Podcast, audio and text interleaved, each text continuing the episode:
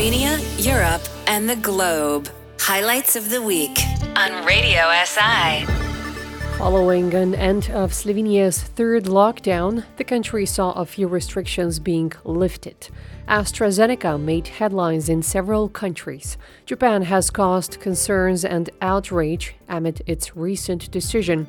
The US has witnessed more violent protests in several cities due to new fatal shootings. These are just a few topics highlighted in the show this week. I'm Lydia Petkovic. Thanks for joining us. After an 11 day lockdown, Slovenia's schools reopened on Monday and the night curfew was lifted after nearly six months.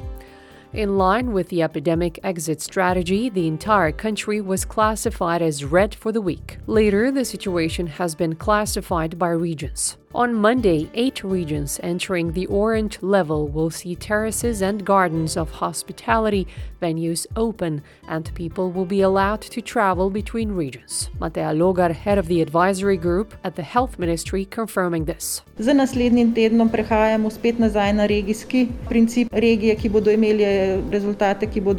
govorile za to, da so v oranžni fazi, bodo seveda prešle potem eh, v oranžno fazo. Most service businesses are now open. Bars and restaurants may offer deliveries or to go services.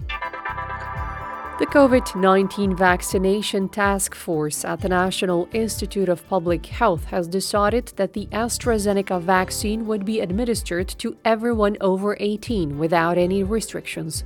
The vaccine was said to be administered in line with the priority groups from the vaccination strategy, according to member of the group, Alojz Ihan. Cepil se bo glede na starostne skupine, tako kot je v strategiji cepljenja. Those over 60 years old remain a priority. Highlights of the week. Japan has approved a plan to release more than 1 million tons of contaminated water from the destroyed Fukushima nuclear power plant into the sea. The water will be treated and diluted so radiation levels are below those set for drinking water. But some locals, those in the fishing industry, as well as China and South Korea, have opposed the plan. Tokyo says work to release water used to cool nuclear fuel will begin in about two years. Moving to the United States, the fatal shooting of a black man by a police officer in the city of Brooklyn Center in Minnesota was an accident, the police chief has said.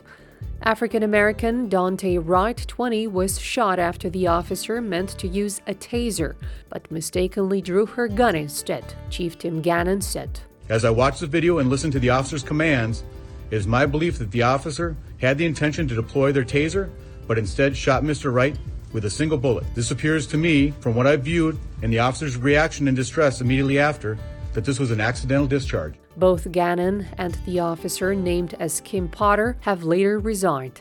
Wright's death has sparked violent protests lasting throughout the week, and a curfew had been declared.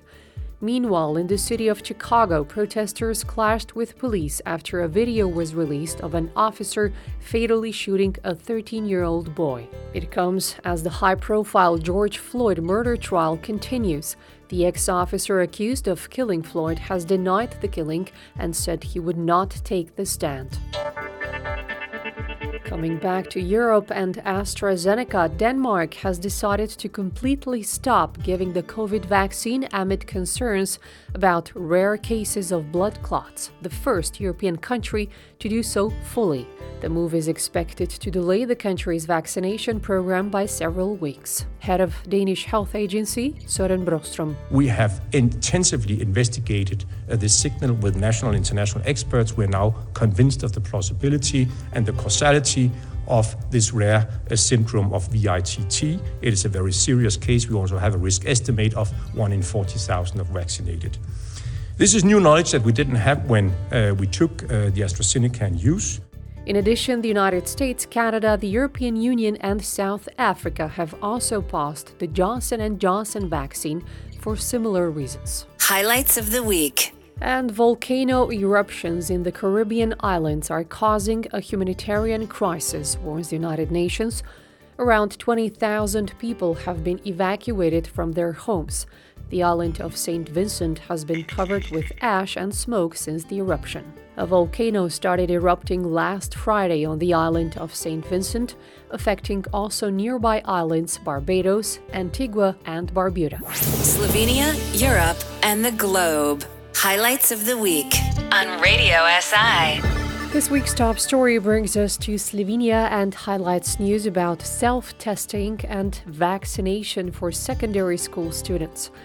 Right after they returned to school after an 11 day lockdown, the health ministry announced that self testing for coronavirus in secondary schools would begin on Friday. The self testing performed ahead of classes was said to be voluntary, with students having to provide a written consent from their parents. However, midweek, the ministry said that the self testing would be postponed due to a delay in the supply of test kits. Slovenia has ordered 300,000 rapid antigen test kits as part of a common EU procurement.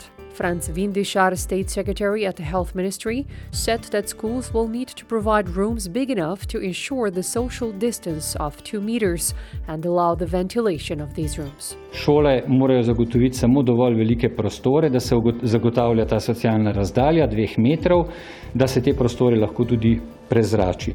If a student tests positive, he or she will be isolated. Once the self testing starts, the students will then repeat this every Monday. On Thursday, Health Minister Janez Poklukar said that high school seniors would be placed on the priority vaccination list.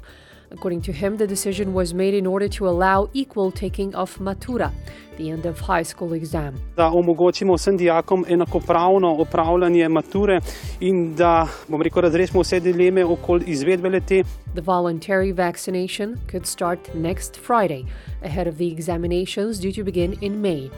Students aged 18 and over will be receiving the AstraZeneca vaccine, while those under 18, the Pfizer BioNTech vaccine. Interestingly enough, Bojana Beovic, the head of the National Advisory Committee on Immunization, said the body had not been acquainted with the idea to vaccinate final year students and that it was a political decision. That's it. You can join us again next weekend, same place, same time. This is Lydia Petkovic signing off. The most important news from Slovenia, Europe, and around the globe. Highlights of the week. Saturdays at 225 on Radio SI.